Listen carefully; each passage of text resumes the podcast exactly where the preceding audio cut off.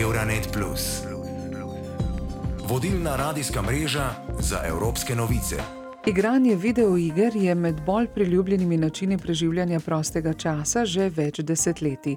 Več kot tretjina ljudi po svetu in več kot polovica evropejcev se zabava z videoigrami. Videoigre sproščajo, zabavajo in burijo domišljijo, mnoge starše pa spravljajo v skrbi. A upravičeno? Rok Gumze je eden prvih slovenskih gamerjev z veliko znanja o tej najhitreje raztoči zabavniški industriji na svetu in tudi socialni pedagog, ki zna pomagati, ko je igranja preveč. Vprašali smo ga o njegovih začetkih in o tem, kako se je svet videoiger spremenil od njegovih začetkov pa do danes. Um, torej, v bistvu ta, to navdušenje se je začelo že pri mladih nogah. Ko, še, ko smo imeli tisti prvi računalnik, smo doma dobili, ko si še mogel not vpisati ta C2 pičje, uh, poševnica, poševnica. Um, in sem takrat že te prve igre, tiste, tiste še res, res stare igral in je bilo to en taki čist novi svet meni. Um, to navdušenje je potem počasi čez leta raslo, ko so tudi novejše torej, računalniki prišli ven, novejša tehnologija. Um, nekako sem pa jaz veliko, veliko časa preigral videoigre, tam nekje v enem obdobju, ko um, sem pri svojih 20-ih nekje eno zelo težko obdobje imel osebno. Um, uh, tudi ena smrt v družini je bila v bližnji, bližnji družini, um, tudi v, na šolskem poročju mi ni šlo dobro. Um, ampak igre so bile, bile v enem tistem času eno tako varno zaletje za me, kamor sem, lahko, kamor sem lahko šel, tam odigral se, odklopil malo od tega vsega in tam, kot da bi šel v eno časovno komoro, um, da mal čas mine, da lahko ene stvari sprocesiram znotraj sebe. Uh, in takrat je to bilo tudi malo prekomerno igranje, no? uh, če se realno gledano, uh, ampak mi je na nek način tudi to nekaj dalo. Um, Jaz sem potem to obdobje predelal, šel dalje študirati socialno pedagogiko in tam tudi um, začel porazmišljati o tem, aha, kaj pa, kaj pa video igre lahko mogoče, kaj pa so sploh video igre, kdo to sploh danes igra, kako to danes zgleda. Um, in sem najdel tudi potem ta center uh, pomoči pri prekomerni rabi interneta, logout, uh, kjer sem danes tudi zaposlen. Ker so pa ravno to obravnavali, torej na kak način lahko mi igramo video igre odgovorno, varno, um, na način, da nas torej ne zasvojijo, lahko nam pa mogoče tudi kako izkušnjo več življenju dajo. Zagotovo je bil svet video iger takrat, ko ste vi začeli drugačen kot je danes. Kaj se je najbolj uh mhm. -huh. spremenilo? Ja, uh, absolutno. Video igre so zdaj, kar se je zgodilo z video igrami v zadnjih letih, so postale veliko bolj en tak servis, bi lahko temu rekli. Torej, niso več neka izkušnja, vse so, vse so še vedno neki. Um, neki, uh, nek del tega še vedno je ta svet, ampak načeloma so včasih igre bile veliko bolj zapakirane kot te izkušnje, v katere si kupil, si sam doma odigral neko zgodbo in je to bilo to in si zaključil igro. Um, danes pa igre postajajo vedno bolj en taki servis, ki se vedno znova nadgrajuje, ki vedno ponuja nekaj novega in v bistvu lahko eno in isto igro igramo. Tudi deset let, že, že naprimer, tudi naprimer, če pogledamo danes Fortnite ali pa League of Legends, na taki zelo um, popularni igri. Um, so torej igre, ki vedno znova, vsake vem, dva meseca, prinesejo nove spremembe, nove predmete, nove like, in ljudje potem zelo, v bistvu, nikoli ne zaključimo res te igre. Ne, nikoli ne, ne končamo igre. Uh, igro lahko igramo tisoče, tisoče ur, pa nikoli ne pridemo do konca. Um, torej, to je ena taka sprememba, kjer se je v bistvu malo izgubil ta. Um, niso več igre, torej v splošnem igrane, nujno kot neke enokratne izkušnje, enkratne izkušnje, ampak v bistvu kot nekaj, kar enostavno pač potem kar počnemo, ne? vsak dan lahko, kar, kar igramo in igramo in nikoli ni um, tega konec. Uh -huh. um, v medijih se. V medijih se veliko krat govori o negativnih vidikih videoiger, o zasvojenosti, škodljivosti za zdravje. Pozitivnih se bolj malo izpostavi. A lahko mladostnik kaj pridobi z igranjem videoiger? Ja, tu je, um, jaz bi tu izpostavil, da z razlogom vse te stvari izpostavljajo, ker za mladostnike, naprimer, oziroma za mlajše, so, je to eno lahko zelo rizično početje. Um, zdaj, pozitivni aspekti so pa zelo odvisni od tega, kaj mi igramo. Um, ne, torej, spet je lahko to ena igra, ki je tri ure odigram in dobim neko zgodbo od nje, neko izkušnjo, lahko je pa to igra, ki jo igram, torej tri ure in jo zaključim, lahko je pa to igra, ki jo igram vsak dan tri ure in jo nikoli zaključim in v bistvu začne delovati kot neka distrakcija. Ne? In torej ni več to nekaj, kar igram kot, um, kot neko namensko izkušnjo, ampak v bistvu postane to distrakcija od ostalih stvari v življenju, s katerimi se trenutno ne želim ukvarjati. Um, zdaj, če pa to, torej igram uravnoteženo in igram igre, ki so v skladu z mojo starostno Eh, torej z mojo starostjo, um, pa to lahko doda neki um, um, tudi kakšno, torej pomaga mogoče pri kakem uh, prostorski predstavi malo razvit, torej igre kot so naprimer Minecraft, um, kjer torej gradimo v 3D prostoru. Um, lahko tudi pomaga, veliko krat izpostavijo ne, mladi, da so se angliščine naučili prek iger, um, tudi pri razumevanju mogoče kakih um, zgodovinskih zadev. Ene igre so naprimer zelo, zelo. Um, Um, zelo, zelo razložijo neko zgodovinsko dogajanje, kar se dogaja v tistem času. Um, tako da različne, različne tudi koordinacije uči rok malo, Um, tudi to sodelovanje je zelo pogosto, ne, torej, ker moramo v videoigrah načeloma igrati tudi z drugimi igravci in moramo z njimi sodelovati.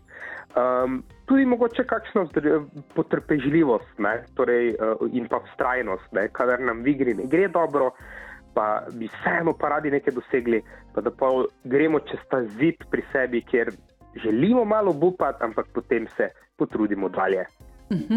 Kakšen je priporočen čas igranja videoigric za otroka in eh, kje je, potem, kje je meja zasvojenosti? Skupina strokovnjakov je v Sloveniji izdala nacionalne smernice, časovne smernice, čisto konkretno od nič do dve let, ne, če grem čisto nazaj, um, je to nič časa pred zasloni na dan, ne, torej nula. Um, potem pa se to počasi čez leta um, lahko malo povečuje, in potem imamo na dan, torej um, tam za 13-14 dalje letnika, tudi dve uri na dan. Um, je čisto ok, za zabavne vsebine pred zaslonom. Um, tu je zelo pomembno potem ločevati, kakšna je ta raba, ali je ta raba nekaj konstruktivnega, kar počnem na, pred zaslonom, mogoče programiranje, izdelovanje nekih videov, neko um, mešanje glasbe na zaslonu, ali pa to nekaj, kar je samo za zabavo, torej kot primer uh, videoigre. In dokler so pa te stvari torej znotraj teh smernic, dokler nekih, znotraj nekih časovnih um, teh priporočil, je to. Uh, torej, ok, in načeloma to ni potem zasvojenost. Zdaj, veliko krat, ko pa pride to vprašanje, kdaj pa je to zasvojenost, je po bistvu tu nekako tak odgovor, da torej, igranje videoiger je težava, postane težava, kadar je težava mogoče se zdaj malo, um, malo smešno, ampak uh mhm. -huh. gre za to, kadar to začne povzročati težave v šoli, kadar to začne povzročati težave pri konfliktih doma, potem to povzroča neko težavo in je to potrebno nasloviti. Konzola, telefon, se pravi igranje videoigric uh mhm. -huh. s pomočjo konzole ali pa preko telefona, je tu uh, kakšno, kakšna razlika? Telefon je tu veliko bolj rizičen za neko prekomerno igranje. Konzola je vseeno nekaj statičnega, kar imamo doma. Vedno te igralne konzole se vedno predlaga v domačem okolju, da jih imamo v skupnem prostoru. Torej, da ni to nekaj, kar je v otrokovi sobi, ampak da je to v dnevni sobi, ker lahko imamo potem še vedno en pasivni mal nadzor nad tem, plus tega lahko malo spoh vidimo, kaj se v igri dogaja, lažje pristopimo, lažje komuniciramo o vsebini v igri in tako dalje. Tako da tu je predlog veliko bolj potem uh, konzola, ker je statična, telefon, ki ga pa lahko vedno nosim s sabo, je pa mhm. potem hitro postane veliko bolj. Um, Rizičen faktor, tudi v sobo ga lahko nesem, tudi zvečer, ga lahko v postelji uporabljam, in pa tudi vsebine na telefonu so načeloma, mogoče jaz včasih tako razložim, ne, da neke bolj konkretne videoigre, kot jih najdemo na konzolah, bi jaz rekel, da so igre, na telefonu pa veliko krat igramo take igrice. Ne. Telefonske igre so danes zelo dobro narejene na način, da nas držijo pri uporabi. So brezplačne, hitro dostopne, veliko imajo notri zvočnih efektov, barvnih efektov.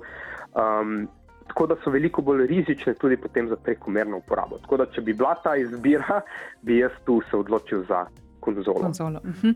Razvijalec računalniških iger Šaruna Sledas iz Latvije pravi, da so videoigre pogosto deležne nezasluženih kritik. Mlad človek, ki preživi čas pred zaslonom računalnika ali telefona, razvije določene motorične, logične in ustvarjalne sposobnosti mišljenja. Poudarja pa, da je vedno pomembno upoštevati določena pravila. Starši, na primer, otrokom ne smejo dovoliti iger, ki niso primerne za njihovo starost. Tai vieni gali ugdyti tiesiog motorinius įgūdžius, a, reakciją, kiti gali ugdyti loginį mąstymą, treti gali ugdyti strateginį mąstymą, ketvirti gali kūrybiškumą ugdyti, kaip ir kalbėjome, pavyzdžiui, Minecraftas.